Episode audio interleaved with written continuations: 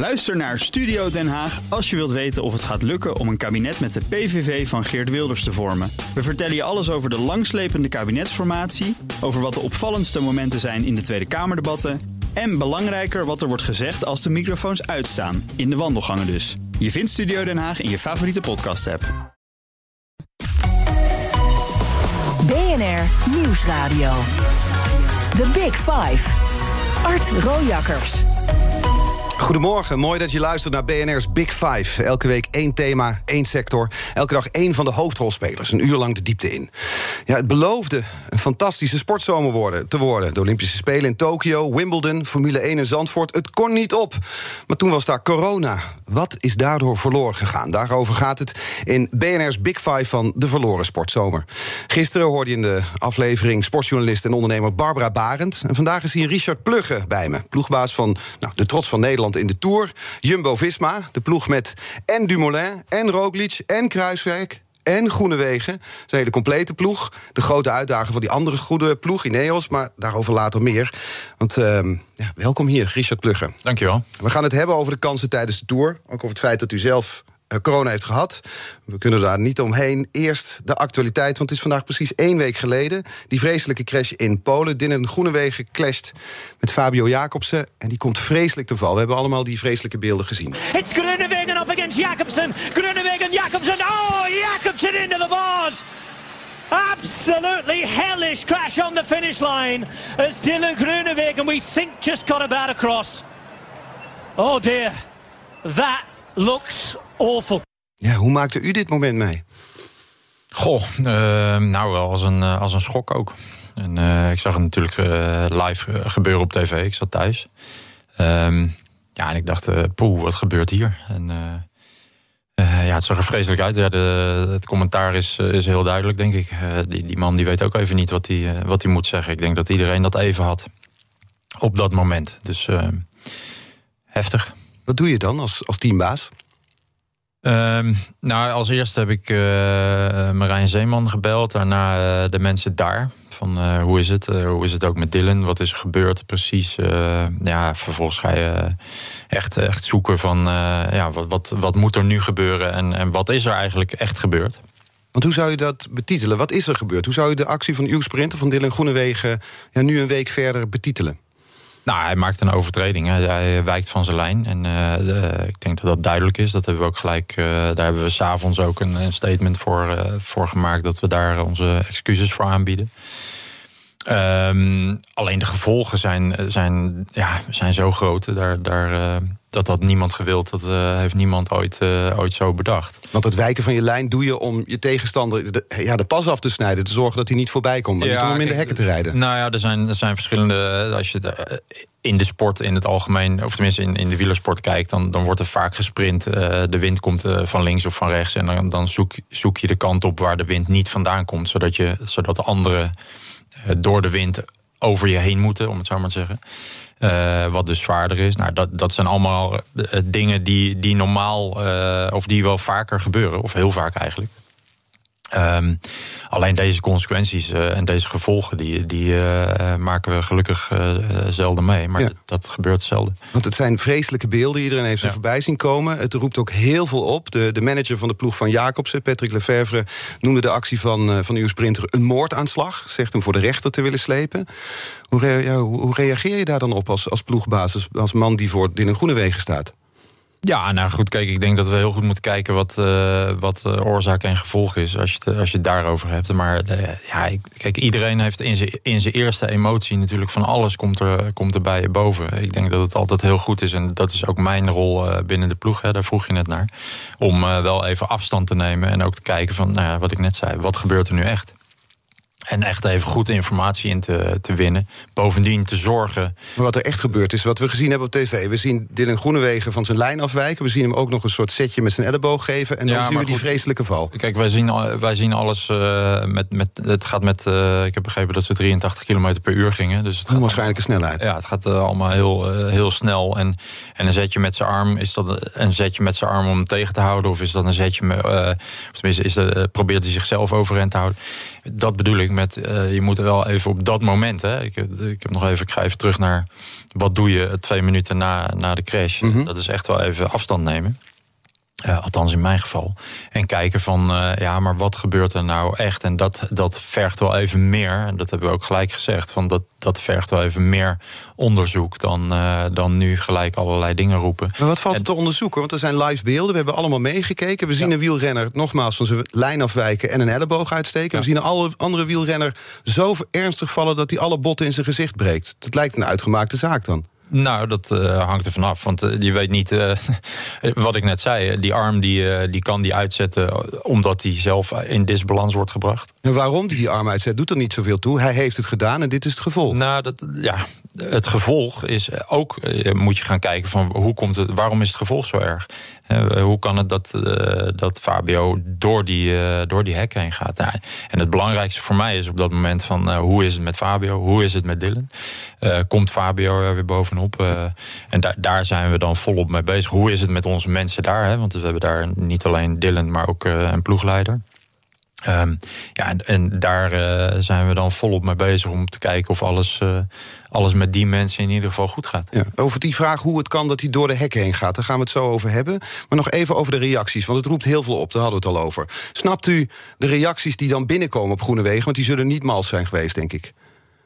Ja, die reacties waren vreselijk. En uh, ja, nogmaals, ik, ik snap in, in emotie uh, dat mensen van alles roepen. En uh, of dat goed is, uh, dat, dat, denk ik niet. En ik denk dat het heel goed is dat je even wel afstand neemt. En, en ook beseft dat, dat Dylan dit, dit niet bewust doet.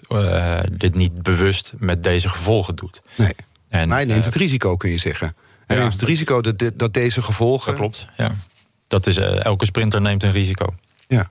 Ja, want je rijdt met 80 km per uur een, eh, een, een helling af en, en, op, een, eh, op een streep af. En, uh, en je wil als eerste over die streep komen. Ja. En elke wedstrijd, en dat is een beetje waar, waar ik inmiddels. Uh, kijk, dit, het gebeurt vaker. en, dan, en dan loopt het goed af.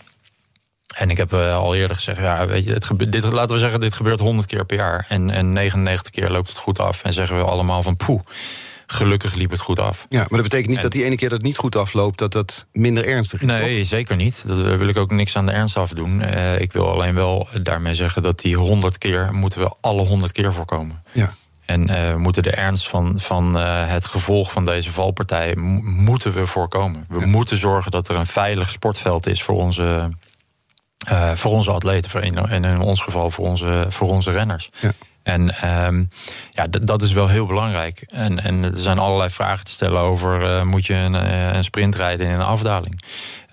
Ja, dat doet allemaal niks af van dit geval. en, en vooral niet aan, aan de gezondheid van, van Fabio. En, en de zorgen die we ons daarom maken. Alleen het is wel iets waar ik eh, voor de toekomst naar, naar kijk. En ik vind gewoon dat we per volgend seizoen dat beter georganiseerd moeten hebben. Ja, dit kan niet meer zo op deze manier. Zo'n aankomst zoals in Polen, nou, af met niet... dat soort hekken, dat kan niet meer. Daar gaan jullie niet meer van start. Het, het gaat mij niet om Polen. Het gaat om, uh, om het totaal. Nogmaals, dit gebeurt, laten we zeggen, 100 keer, misschien 50 keer, maar in ieder geval vaak per jaar. En, en uh, nogmaals, dat we, dat we met elkaar in het peloton zeggen: poeh daar komen we goed weg. Ja, maar stel dat, volgend jaar, over een jaar staan we in Polen... dezelfde aankomst, dezelfde manier georganiseerd... en dan, ben je de ploegbaas. Zeg je dan, wij gaan hier beginnen? Nou, doen het gewoon? Daar moeten we... Ik weet niet wat we volgend jaar zeggen... en hoe het dan georganiseerd is. Want dat is allemaal afhankelijk van hoe dan uh, andere zaken georganiseerd zijn. Nou ja, dus omdat het lijkt... Ik, hè, we, we, hebben het over de veiligheid binnen het wielrennen... en nou, daar zijn harde woorden over gevallen. Over die hekken, over die, die finish waar het zo mis is gegaan... omdat hij in een afdaling ligt.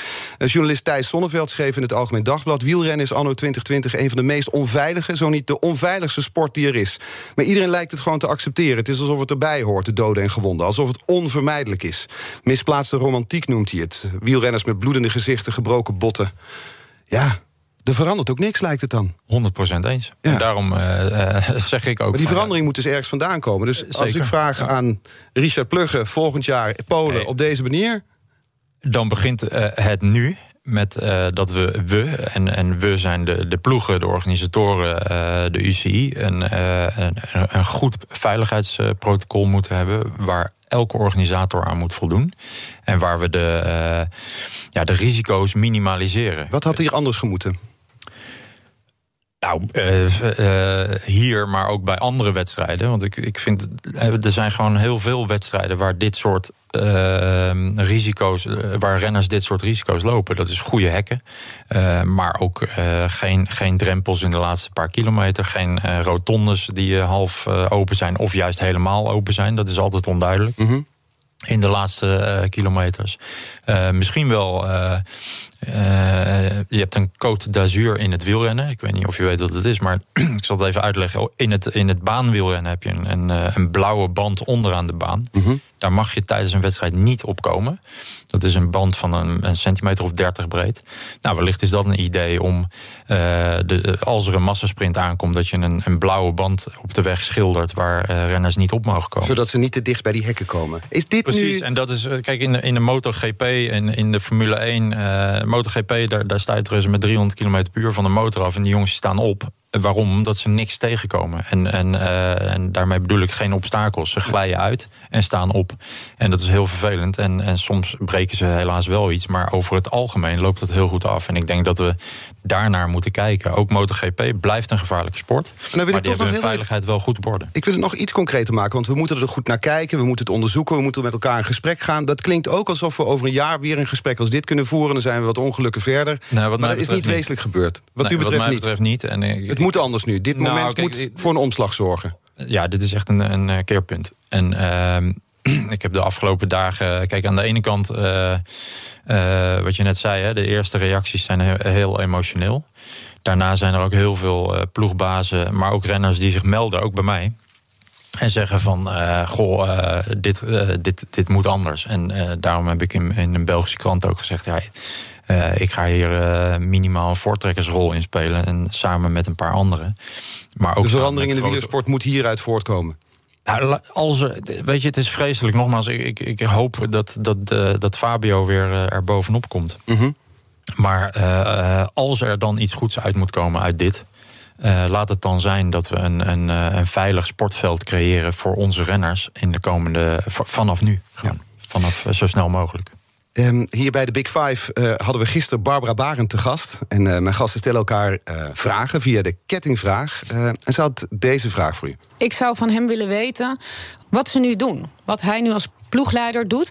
Wat ze nu doen. Wat voor een contact ze met Dylan hebben. Wat, wat, wat eigenlijk de verwachting is wat er de komende tijd met Dylan gaat gebeuren. We hebben gezien in het interview wat hij bij de NOS gaf... dat hij helemaal stuk was. En zei ik wil ook voorlopig mijn fiets niet meer aanraken. Nou, wat gaat er de komende tijd met Dylan gebeuren en hoe gaan ze daar op dit moment mee om? Ja, wat gaat er met Dylan gebeuren, wil ze weten? Nou, wij hebben heel veel contact, dagelijks contact met, uh, met Dylan. We hebben inderdaad gezegd van uh, in afwachting op, uh, op de UCI-maatregel niet, niet koersen. Hij zelf heeft er ook geen behoefte aan, dus dat valt goed samen. Gaat hij starten in de Tour? Nee, nee maar dat was al niet het plan, maar dat, dat gaat hij zeker niet doen.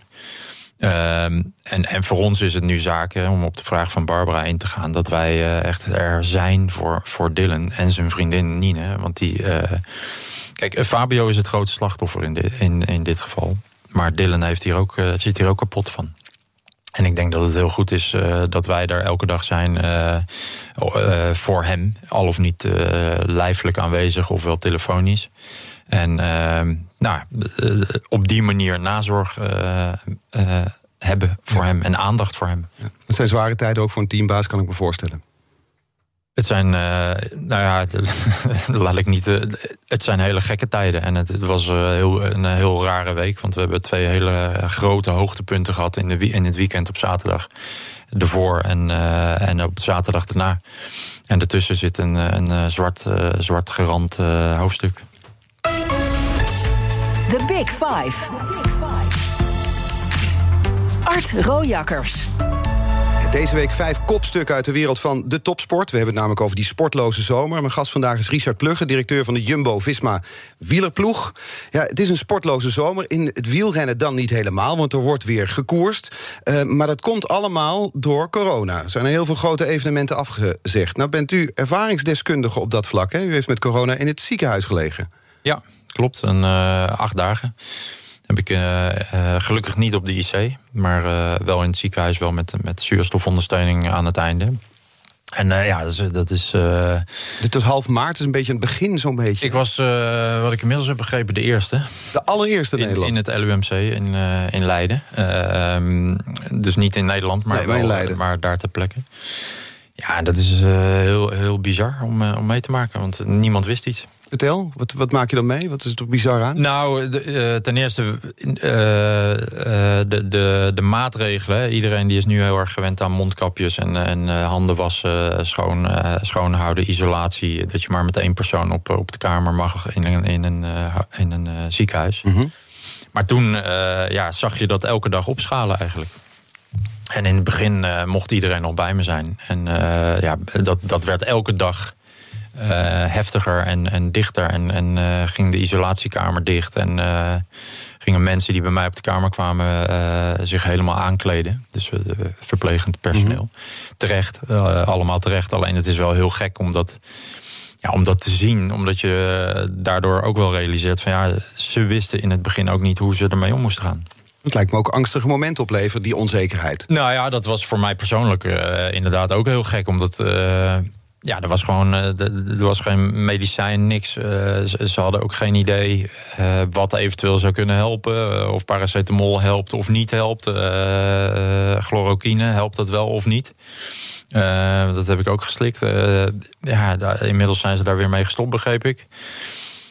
Ja, dat is wel wel eng, ja. Dat. Daar, ja, nou ja, kijk, ik weet niet wat je. Maar als jij in het ziekenhuis ligt, dan, dan hoop je dat, dat de arts tegen je zegt: Nou, meneer, uh, dit of dat uh, is er met u aan de hand. We gaan, dit en dat, op. we gaan dit of dat met u doen. En dan is de kans dat u herstelt is, is, is groot. Hè? Uh, maar hier was het van ja. We weten het niet. En, en dat is niemand kwalijk te nemen of zo. maar het is meer van: goh, wat een onzekerheid leverde dat op. Ja. Acht dagen in het ziekenhuis gelegen, dacht ik? Ja, ja. acht dagen. Ja. Hoe, hoe kom je dan thuis? Helemaal kapot, vermagerd, kapot, moe. Ja, ja, ik was 7 kilo kwijt. dus uh, uh, ja, vermagerd, kapot. Ik had een baard. Dus zag er ook niet uit. Maar ja, nee, ik was gewoon helemaal. ja, hoe kom je thuis? Ja, echt helemaal kapot. En ik moest nog herstellen natuurlijk. Want hoe gaat het nu? We zijn nu een paar maanden verder. Uh, op zich heel goed, in het dagelijks leven heel goed. En, maar ik zeg steeds, uh, en inmiddels, ik sport weer uh, regelmatig. Ik, of, of, eigenlijk best wel veel. Ehm, ik fiets veel. Wat, wat gewoon het gekke is, vind ik, is dat er geen, geen fundament is. Ehm, als je veel sport, dan heb je een bepaald basisniveau. En ik heb gewoon, uh, laten we zeggen, van de zes dagen heb ik dat, dat basisniveau. En de zevende dag zak ik daar volledig doorheen. Zonder aanwijsbare reden. En dat vind ik heel gek. Ja, en daar wordt, dat is een constatering. Dat precies, daar wordt ook niks gezegd over de vooruitzichten, neem ik aan. Nee, nee en ik zit wel in zo'n. Uh, ik, ik, doe mee aan zo'n test en uh, onderzoek van wat zijn de gevolgen, wat gebeurt er, hoe herstelt het zich. En voor, voor het ziekenhuis ook. En, maar goed, dit is denk ik een VO2 max ding. En, maar het is heel gek dat, dat dit gebeurt zonder aanwijs, aanwijsbare reden. Ja, dat zijn de gevolgen op persoonlijk vlak van corona. Dan hebben we het over het professionele vlak. Want ik, ik kan me voorstellen dat alles lijkt op zijn plaats te vallen voor Jumbo Visma. Als we de crash van vorige week even vergeten. Die, die tourwinst, want daar blikken we maar op vooruit. Eind augustus gaat de Tour de France van start. Die leek in zicht te komen. Maar nu voelt alles toch ook misschien wat onzeker door corona, kan ik me voorstellen. Ja, um, kijk, ik was voor, voordat ik ziek werd, hebben we al gezegd van we stoppen. We gaan niet naar Parijs-Nice. We gaan niet naar de, naar de Italiaanse wedstrijden die toen Strade Bianchi, die we uiteindelijk vorige week hebben gewonnen. Mm -hmm. um, en eigenlijk is die onzekerheid er, er nog steeds. Want uh, uh, het kan zomaar zijn dat morgen, uh, weet ik het, de, de overheid in Frankrijk of in Spanje of waar dan ook zegt van we stoppen ermee. Nou, en daar zijn we van afhankelijk. Ja, want het gaat goed met de ploeg. Het gaat heel goed, ja. ja. ja. En vandaag starten we met onze uh, tourploeg minus 1 uh, in de Dauphiné. En dan gaan we kijken of we nog een stapje weer hebben kunnen zetten. En het gaat heel goed. Alleen, ja, het is, we zijn afhankelijk van de, van de overheden. En dat heb ik vanaf het begin gezegd. We kunnen als wielersport van alles doen. We moeten ook heel veel doen om te zorgen dat de protocollen in orde zijn. Uh, dat we zo de, de, de risico's minimaliseren. Maar uiteindelijk gaat de overheid zeggen: het mag of het mag niet. Ja, maar toch, heel even wat feiten erbij halen. Primoz Roglic won de Tour de l'Ain. Ja. Uh, Wout van Aert pakte Milaan Sanremo. Dan kan ik me voorstellen, niet alleen daarom, maar ik kan me voorstellen dat andere ploegen steeds meer op jullie gaan letten. Jullie zijn een serieuze concurrent van de ploeg van Chris Froome straks. Ja. Merk je dat? Ja, tuurlijk. Maar dat is, uh, dat is al even gaande. Dit, dit, komt niet uit de lucht vallen. We zijn, vorig jaar uh, speelden we ook al een grote rol. wonnen we de eerste twee etappes in de Tour. Hadden we de gele trui. En Steven Kruiswijk derde op het podium. Uh, en het jaar daarvoor uh, zei Dave Brailsford, de baas van uh, Chris Froome, tegen mij: You are becoming a serious problem now. dat was 2018. A serious problem. Ja, en dat is natuurlijk fijn om te horen. Ja. Um, dus de, de, de mensen in de wielersport zagen dit, zagen dit al wel aankomen. Ja. Waar komt het vandaan? Hoe kan dat dan? Hoe, wat valt er dan in elkaar? Nou, we, we hebben, er, valt een, een, aantal dingen vallen in elkaar. Dat we één, uh, we hadden al heel goede renners met, uh, met Robert Geesink, met, uh, met Steven Kruiswijk, echt de toppers. Nou, we hebben daar Primoz Roglic heeft vanaf 2016 een gestage groei doorgemaakt en blijkt een, een wereldtalent. Dus het heeft echt met de samenstelling te maken? Of is het ja, ik heb, ik heb een paar jaar terug zei ik altijd van de, onze tweede lijn is niet sterk genoeg hè, om, om Steven bijvoorbeeld te helpen of Robert Gezing te helpen. Ja, en die tweede lijn is nu wel, uh, is nu wel veel, veel en veel beter. Mm -hmm. En Robert Gezink is bijvoorbeeld onderdeel van, van de tweede lijn. Hè. Dat is een helper tegenwoordig. Nou, Robert Gezink is gewoon zelf wereldtop. Um, ja, en die, die staat nu uh, Steven en Primos en uh, Tom Dumoulin bij. Die ja. dan nog weer een klein treetje hoger. Maar dat levert dat, dus ook een luxe probleem op, kan ik me voorstellen. Want wie moet nou die Tour gaan winnen bij jullie? Wordt dat Tom Dumoulin, Steven Kruiswijk? Iemand, in een, iemand in een Jumbo-Visma-shirt. Ja, maar wie van de drie? Uh, iemand in een Jumbo-Visma-shirt. en uh, is dat, kunt u dat nog niet zeggen? Of is dat ook echt, gaan jullie dat daar bepalen? Nee, we gaan, we gaan uh, na Dauphiné wel bepalen wie zeg maar, de, de absolute kopman is... en wie de scha schaduwkopmannen worden. En dat bepalen jullie aan, aan de hand van de resultaten in de Dauphiné? Ja, en, en het gevoel van iedereen daar. nou, en dan gaan we dat bepalen. Maar het maakt, het maakt mij serieus niet uit als het maar. Die mannen wel, kan ik me voorstellen. Uh, nou, we hebben daar heel veel heel goede gesprekken over gehad. En natuurlijk wil uh, een sportman uh, zelf winnen. maar het gaat er ook om dat uiteindelijk is het belangrijkste dat iemand van hun op dat hoogste treedje staat. En uh, het gunnen aan elkaar van de overwinning is, is daarin een heel belangrijke. En daar, hebben we, daar zijn we vorig jaar in, uh, nou ik denk in november of begin, begin december al mee begonnen. Om, om, dat, uh, om dat met elkaar te bespreken. En dat is ook waarom een, een wereldtopper als, als Wout van Aert zegt van nou, ik, ik stel me volledig ten dienste van, van deze ploeg. Ik wil gewoon zorgen dat iemand van ons op het hoogste podium staat. Ja. En dat doen die mannen onderling dus ook.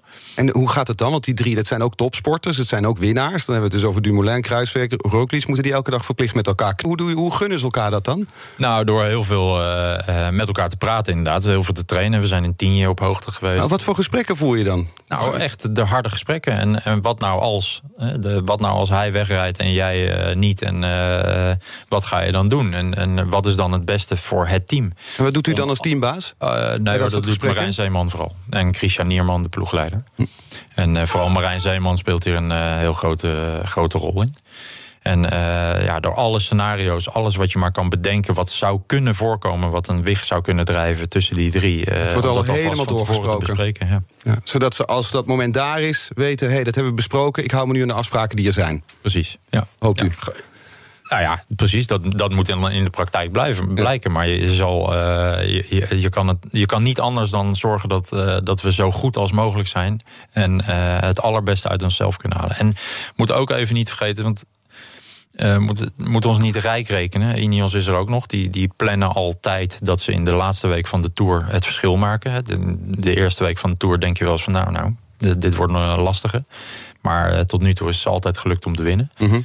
Uh, dan zijn er nog wat andere ploegen die uh, ook niet slecht zijn. Uh, Movistar, Groupama. we gaan het oranje gevoel volledig op jullie zetten. Hè? We hebben niks nou, in de sportwereld deze, deze zomer. Dus we, geel, het, geel, het, gele geel, gevoel. Het maar, is het nieuwe oranje. We, ja, we moeten, het, we moeten het ergens vandaan halen dit ja, jaar. Dat is trouwens net hetzelfde als deze plopkap. Precies, precies. vandaag de gast hier in BNR's Big Five van de verloren sportzomer. Richard Plugge, teammanager van wielerploeg Jumbo-Visma. een ploeg die op stoom begint te komen richting dat absolute hoogtepunt. We hebben het er al even over. De Tour de France, eind augustus begint het. Maar wat nou als dat door corona midden in de koers opeens toch stilgelegd moet gaan worden? Daar gaan we het zo meteen over hebben. BNR Nieuwsradio. The Big Five. Art Rojakkers. Het tweede halfuur van BNR's Big Five. We hebben vijf kopstukken uit de sportwereld te gast uh, deze week. Want we hebben het over de verloren sportzomer. Over al die evenementen die niet doorgaan. Maar er lijkt één ja, sporttak van sport een beetje de dans te ontspringen. Daar gaan we het over hebben. Het wielrennen namelijk. Met Richard Plugge, teambaas van de wielerploeg Jumbo-Visma. Want uh, het wielrennen is een van de weinige sporten die, die doorgaan. Wel met allerlei maatregelen, maar toch. De Olympische Spelen zijn afgelast. EK voetbal, Formule 1 in Zandvoort. Uh, tennistoernooien. Maar er kan wel gefietst worden. Hoe Ja. kan dat? Gelukkig wel. Maar hoe, hoe doen jullie dat? Nou, ik denk, ehm, we, we hebben eh, heel strenge protocollen. Eh, we hebben heel streng. eh, ik, ben van, ik kom hier. Voordat ik hier naartoe kwam, ben ik getest. nog een keer of ik geen corona heb. Dus iedereen die naar een wedstrijd reist. ik ga morgen naar de Dauphiné. Die moet twee keer getest zijn.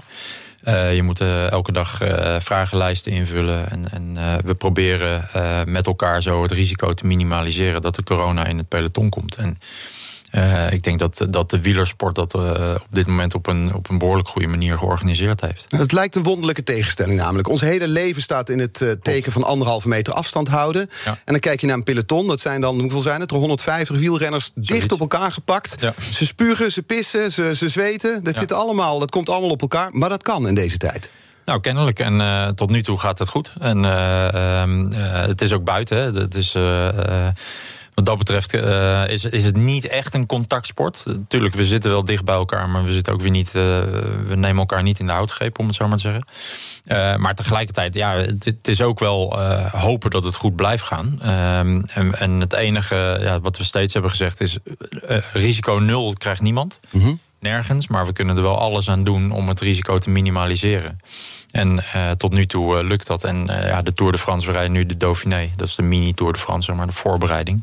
Georganiseerd ook door de Tour de France. En ja, dat is zo ongelooflijk strak en, en zwaar ingericht... Dat, eh, dat het ook heel veilig is. Maar toch, je, je rijdt etappes van, worden er 200 kilometer wel gereden. Er Over, Overal langs de weg kan publiek staan. Hoe hou je mensen op afstand? Nou, da- daar wordt ook door, door, de, door de ASO, de, de organisator van de Tour en Dauphiné, eh, eh, rekening mee gehouden. Door mensen op afstand te houden, door mensen mondkapjes te vragen op te doen. En ja, je kan het niet helemaal, nogmaals, het, risico nul bestaat niet. Maar elke zomer zie je die beelden van die gekken die dan in duivelspakken meerennen met wielrenners die de bergen omhoog eh, staveren. Ik denk niet dat dat dit jaar gaat gebeuren. En, ehm, Zo dichtbij kan het publiek dit jaar niet komen. Nou, dat denk ik niet. En, eh, we gaan het zien. Hè. De, de- maar op voorhand zeg ik... eh, kijk, de, de Tour is, is de enige wedstrijd die in staat is... om elke dag een miljoen mensen... die langs de kant van de weg staan, te reguleren. wat heel knap is. En dan, dan zien wij op tv altijd de excessen. Dat zijn er misschien vijf of misschien tien. Waarvan we zeggen, wat een eikels. Maar moet je nagaan dat de andere mensen... die miljoen, allemaal zich netjes gedragen. En dat, dat lukt omdat eh, de Tour eh, op elke hoek van de straat een agent heeft staan. Nou, nu moeten we het andersom. Nu moeten we eigenlijk die mensen weren van een berg en, en dat soort dingen.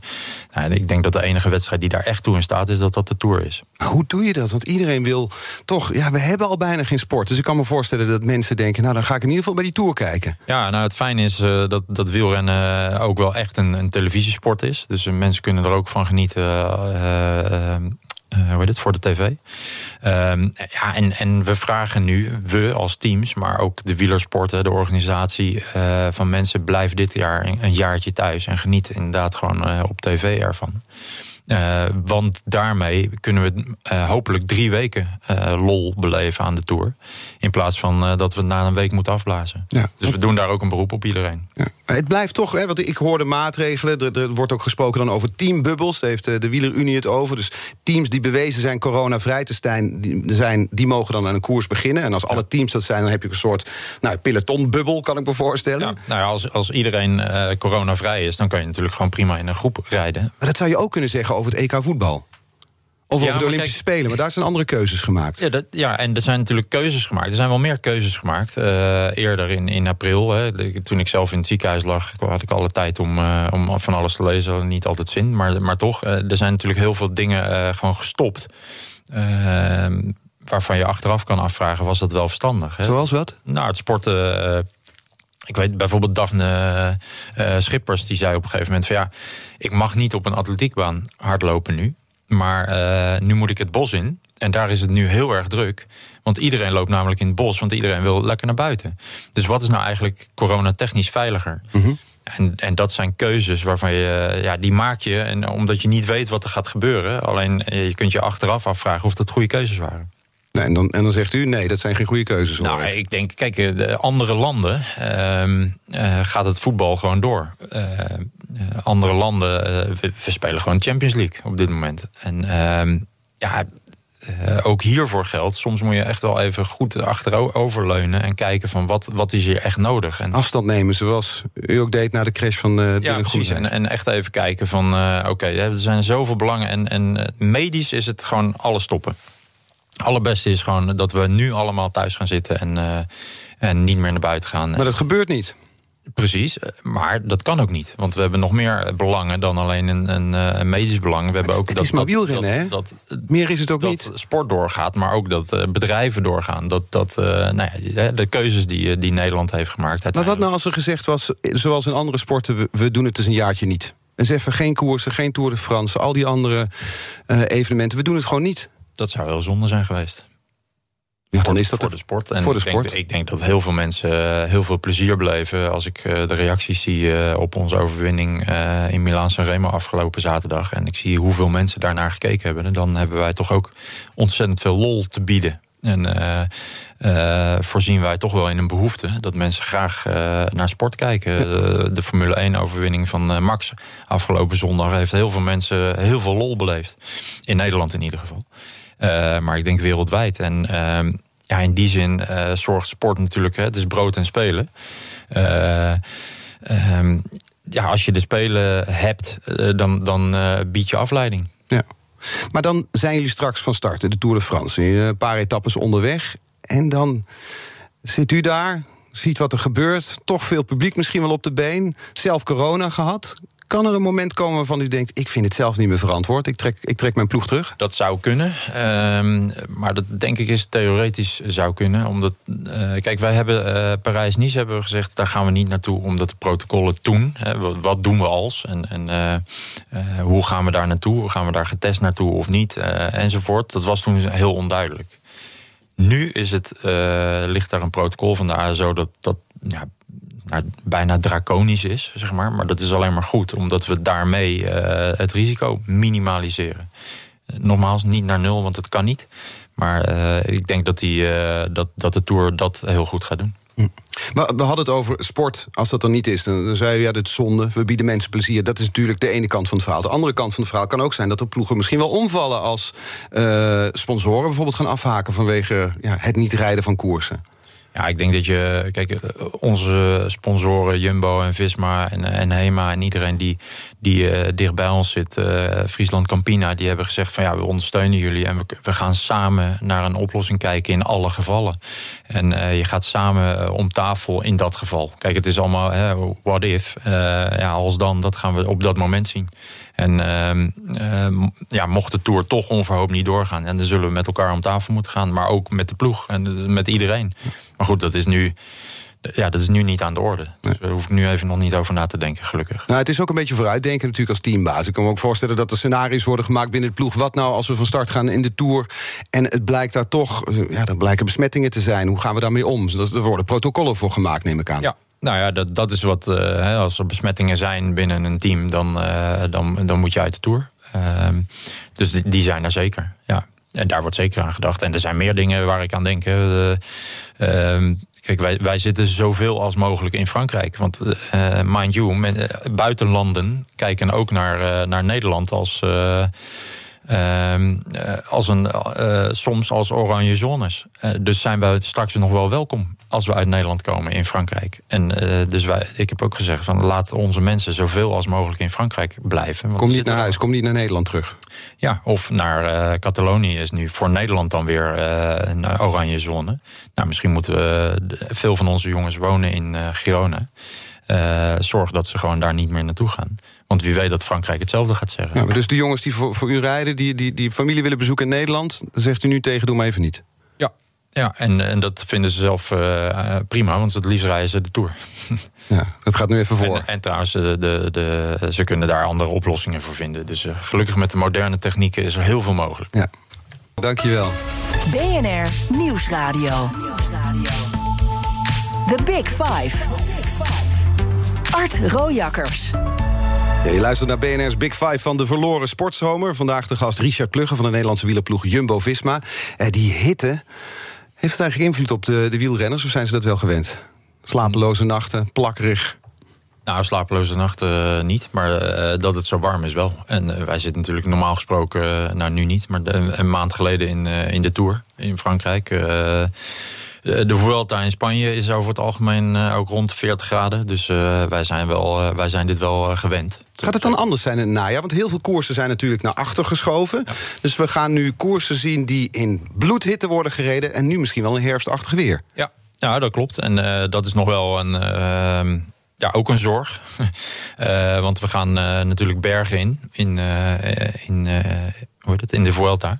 En hoe, hoe zijn die bergen in, in november? Dat weten we eigenlijk helemaal niet. Koud? Ja, waarschijnlijk. Dus dat, ja, dat is, normaal is het daar 38 graden en misschien is het nu wel 6 graden. En dat weten we niet. Dus dat, dat gaan we in de gaten houden en, en nog bekijken van hoe dat normaal is. Want dit is ook een gek jaar.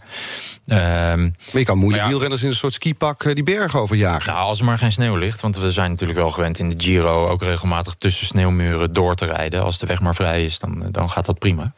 Um, dus ja, maar, maar we moeten gewoon kijken. En, en heeft het ook invloed op het ritme van de renners nu? Dat, dat alles is opgeschoven? Dat, want het wordt een druk najaar. Er gaat veel ja. gereden worden. Heeft dat, is dat, betekent dat iets anders voor trainen? Voor de manier van ja, de aanpak van zo'n seizoen? Ja, wij hebben wel de, de, de mannen die... Uh, uh, nou, de, de Tom Dumoulin, de Steven Kruiswijk... de Wout van Aert, Primoz Roglic... die hebben een, uh, gewoon een, een, een, programma hebben we neergezet... waarin zij zich het allerbeste kunnen voorbereiden... op die hoogte, hoogtepunten van ons seizoen. En ja, de rest wordt opgevuld met, uh, met, met de anderen. En hopen we ook dat die doorgaan. Want in België zijn ook een aantal wedstrijden alweer afgelast. Kleinere wedstrijden. Dus het betekent echt voor, voor sommige renners ook echt uh, steeds weer een teleurstelling. Van hey, ik, ik wilde afgelopen zaterdag die en die wedstrijd rijden. En die gaat dan ook weer niet door. Um, dus wij zijn volop daarmee bezig. Het is voor, voor de, de, de ploegleiding eigenlijk een heel in dat opzicht ook een heel zwaar jaar. Uh, of een raar jaar. Maar uh, we zijn aan alle kanten bezig om mensen aan de ene kant voor te bereiden op zaterdag moet koersen. En vervolgens ben je weer bezig om, uh, als het dan niet door is gegaan, om diegene weer toch gemotiveerd te houden voor de wedstrijd die later komt. En zo hebben we de. En daar hebben we denk ik ook het grote verschil gemaakt in de periode dat, we, dat, dat het wielerseizoen wel stil lag dat we als team hebben gezegd van nou, we doen er echt alles aan om hier beter uit te komen dan, dan de concurrentie. En uh, daarmee hebben we ons team en alle renners en alle mensen in het team echt wel uh, heel erg gemotiveerd gehouden. Nou, een van de zaken waarmee jullie dat deden was een soort virtuele tour hebben jullie ondernomen. Ja, dus precies, ja. Ja. wielrenners die, die thuis zaten. En wij konden het allemaal live volgen hoe zij eigenlijk ja, zo e-biking, zou ik het zo maar noemen, hoe ze tegen elkaar uitkwamen. Ja, ja op uh, Zwift. Hè. Je kan een, uh, op je taxitrainer, dus uh, thuis zittend op je fiets, kun je op een scherm een parcours rijden. En dat kun je ook tegen, men, tegen andere mensen doen. En wij hebben met Zwift, dat is het bedrijf daarachter, hebben wij een afspraak gemaakt dat wij als team eigen wedstrijden onderling konden organiseren. Dat hebben we vier zondagen op rij gedaan. Ja, en er werd dan ook live commentaar gegeven. Ja. Je kon meekijken ja. via YouTube. Klopt. Ja, door het AD.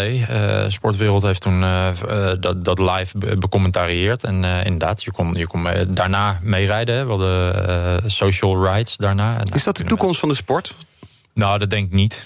Want het is uh, de, de, reden waarom wij het onderling deden... is dat, dat er heel veel gemanipuleerd kan worden. met de verkeerde gewichten invoeren een ander uh, systeem hebben dan, dan iemand anders, waardoor je net iets meer of minder uh, hard moet trappen om snel te gaan. Nou, dat soort dingen, dat is nog lang niet opgelost voordat we, voordat we echt online tegen elkaar kunnen gaan racen. En dat is nogmaals, dat is waarom wij hebben gezegd, we doen het alleen met het team. Met het team zelf onderling. onderling omdat, ja. ja. dan, dan kunnen we ervan uitgaan dat iedereen. Uh, maar ik kan me wel voorstellen dat het online dat het misschien wat meer aansluit bij jongere generaties. Want als we kijken naar wielrennen, hoe het nu op televisie is, dat is toch oerzaai voor iedereen onder de 40? ja, nou dat weet ik niet of dat. Zitten urenlang naar mannen te kijken die elkaar in een soort houtgreep in het peloton houden. Ja. Nou, dan vertrekt er eentje, die wordt dan net voor de streep teruggehaald en krijg je massasprint. Fantastisch, hè? Ja, nou ja, ik vraag het aan iemand van 25. Ik denk dat er veel. Die kijken, die kijken toch liever iets Die anders. 100% zeker ook. En eh, ehm, eh, ja, weet je, je hoeft niet de hele wedstrijd te kijken. Als het een massasprint wordt, eh, zou ik je adviseren om de laatste, kwart- eh, laatste laten we zeggen, 10 eh, kilometer te kijken. Als het zoals Milaan San Remo, ja. Tot, eh, tot de Cipressa hoef je echt die 300 kilometer niet te kijken. Eh, maar daarna is het wel eh, ontzettend spectaculair en spannend. En eh, ehm, nou ja, dat blijkt ook, want de, de kijkcijfers gieren de pan uit. Ja, maar het is toch, die kijkcijfers, het zijn vooral oudere kijkers die nog naar wielrennen zitten te Nou kijken. ja, maar kennelijk komt er aan de onderkant steeds wel een nieuwe 40er bij die weer gaat kijken, of een nieuwe 35er. Ja, of we worden allemaal ouder, dus ze blijven langer kijken. Precies, en zeker nu, in, in ieder geval in Nederland, eh, de, de, de, de fietsenbranche kan de fietsen niet aanslepen. En er zijn heel veel mensen eh, gaan fietsen op een racefiets of een mountainbike. En eh, beleven op die manier zelf ineens heel veel lol aan het fietsen. En gaan dus ook kijken. Ja. En we hebben, we hebben met Ajax een, een, een, een training ride gedaan. met, die wilde ook bezig blijven in die. Dus er is geen probleem in het wielrennen met jongeren, zegt u. Eh, nou, er is wel een probleem in het wielrennen met jongeren. En dat is waarom wij de Team Jumbo-Visma Academy hebben opgericht. Om te zorgen dat, dat jongeren ook daadwerkelijk gaan wielrennen. Want je hebt twee dingen, het fietsen of wielrennen zijn twee verschillende dingen. Je kan wel op een racefiets zitten, maar wedstrijden rijden... en de nieuwe Tom Dumoulin worden, daar zit wel een probleem. En daar, daar, zijn wij, eh, daar hebben wij onze schouders als team onder gezet. Samen met eh, meneer Van Eert van, van Jumbo. Ja, om, dat toch, om daar een verschil in te maken. Maar nog, nog Ja. heel even over die televisie. Want ik kwam een, een column tegen in Wieler Magazine van Marcel Wintels. Die schreef, on, die schreef het volgende. Ik ben op zoek naar manieren om jongere generaties te kunnen binden aan de sport. Mensen die nu 10 tot 20 jaar oud zijn. Die kijken niet meer naar een koers waarin twee uur lang niets gebeurt. Kijk nou bijvoorbeeld naar de manier waarop John de Mol televisie maakt. Het is geen sport, maar het is wel vergelijkbaar. Het gaat om emotie, beleving, interactiviteit. En als je koers kijkt hoe dat nu in beeld wordt gebracht... is het toch een beetje armzalig. Nou ja, dat vindt hij. En eh, ehm, dat kan op een andere manier. Dat kan, eh, dat kan eh, leuker en spannender en mooier. Tuurlijk, er zijn altijd verbeteringen mogelijk. En als er iemand van naar, naar vernieuwing kijkt, ben ik het wel. Ehm, dat ben ik met hem eens. Alleen wat ik niet met hem eens ben, is dat, dat niemand meer kijkt. En ja, het is een beetje. Ja, Weet je, mensen beleven ontzettend. Kijk naar de kijkcijfers. Mensen beleven ontzettend veel lol aan, aan, eh, aan de wedstrijden zoals ze nu gereden worden. En dat het nog wat spectaculairder, nog wat mooier in beeld gebracht kan worden. Ja, dat ben ik eens. Eh, eh, nou, daar, kunnen we naar kijken hoe we dat kunnen doen. Maar dat de wedstrijd, de, de, de, de, de natuur, zeg maar, de essentie van de wedstrijden niet spannend zouden zijn, daar ben ik het niet mee eens. Nee, dus het is spannend genoeg om op deze manier te blijven uitzenden. Dat hoeft... Nou, nee, eh, wat ik zeg is eh, dus dat bijvoorbeeld... ik zou de, de, de beelden anders schieten, de- dat zou beter kunnen. En je kunt je afvragen of je een Milaan San Remo... van begin tot eind, meer dan 300 kilometer... van begin tot eind moet uitzenden. Of een, eh, een etappe soms in de Tour de France... die, die niet zo tot, het, tot het laatste uur zeg maar, eigenlijk niet interessant is... om die vanaf begin tot eind uit te zenden. En daarin, ja, mensen denken heel vaak meer is, is beter... terwijl dat niet altijd zo is. En Het is wel heerlijk om een middagdutje bij te doen, die eerste kilometers. Het is Ja, lekker warm dus, buiten, je hebt het zomerse gevoel. Andere ook. mannen die zijn zich aan het uitputten op de fiets. Er is niks lekkerder om dan Kijk, even te eh, slapen. Zo, zo is er altijd eh, voor elke sport wel. eh, wel, wel hè, de- de- bij, bij voetbal zit je het laatste kwartier, moet je zeker opletten. Zeker als, als Barcelona speelt, die in het laatste kwartier vaak gas gaan geven. En daarvoor kabbelt het soms ook wat. Formule 1 is het, de start is geweldig. Dan heb je een middenstuk. En dan is het einde weer heel spannend hoe het met de banden staat. Wat dat betreft is wielrennen niets anders. Heeft, heeft corona Precies. jullie veel geld gekost? Als ploeg? Eh, ja, want eh, we hebben heel veel startgelden niet gekregen. We maken nu eh, best wel veel kosten voor, voor alle testen. Over wat voor bedragen hebben we het? Ja, dat is wel tonnen. Ja, En dat moet dan opgevangen worden in de koersen die nog komen? Of is dat, dat is afgeschreven? ja, nou ja, goed. We hebben aan de andere kant ook wat kosten bespaard. Hè, doordat we niet naar wedstrijden eh, zijn gegaan. Maar we hebben in het begin zeker. Wij, wij boeken altijd veel, eh, veel wedstrijden, eh, hotels, reizen naar wedstrijden en zo al ruim van tevoren. En eh, als al die wedstrijden niet, ineens niet doorgaan. Mhm. Die kosten blijven staan. Ja, die vluchten die hebben we niet teruggekregen. Nee, nee. En die hotels ook niet. En, eh, eh, en, en dus eh, geen inkomsten van de, van de startgelden van wedstrijden. Ja, dat, dat telt wel op. Ja, dan tikt het aan. Morgen is hier te gast sportconsultant Frank van der Walbaken. Uh, Dus dit thema sluit eigenlijk wel aan bij de manier waarop hij sport beleeft en, en meemaakt. Maar de gasten hier in de Big Five stellen elkaar vragen via de kettingvraag. Mag u dus een vraag stellen aan Frank, Frank van der Walbaken, sportconsultant. Morgen is hier om tien uur. Wat zou u willen vragen? Nou, jij stelde mij net een vraag over uh, hoe de sponsoren kijken naar, uh, naar, naar, de, uh, naar, naar, in ons geval de ploeg, maar in het algemeen. En mijn vraag aan hem, hij is een sportmarketeer. hij adviseert veel grote sponsoren. En ik ben wel heel benieuwd wat hij nu adviseert aan zijn klanten, aan zijn, die sponsor zijn van, uh, van grote uh, sportploegen, uh, om te doen in deze coronatijd. En, en hoe, hoe steunen van die sportploegen of die atleten doorsteunen, is daar een maatschappelijke verantwoordelijkheid voor. ik ben wel benieuwd hoe hij zijn, nogmaals, zijn klanten adviseert. We gaan het hem morgen vragen, Frank van der Welbaken. Bedankt, Richard Plugge, directeur van de Nederlandse wielerploeg Jumbo-Visma. Wie, wie gaat de Tour de France winnen trouwens? Iemand met een Jumbo-Visma-shirt. Oké, okay, hou ik u aan. Uh, ben je nou een echte sportfan? Luister dan ook eens naar eh, BNR Sportzaken... met Ben van den Burg en Thomas Schuurman. Dat is de podcast over sport, wetenschap en innovatie. Te vinden in de BNR-app en op BNR NL. Net als alle afleveringen van BNR's Big Five natuurlijk. Uh, nu op deze zender Jurgen Rijman met Ask Me Anything. Tot morgen. Ook Liesbeth Staats vind je in de BNR-app. Ja, heel handig. Luister live naar Kees en mij tijdens de Daily Move. Dan blijf je ook gelijk op de hoogte van breaking news en het laatste zakelijke nieuws. En daar vind je ook alle BNR-podcasts, waaronder de Perestrooikast. Download nu de gratis BNR-app en blijf scherp.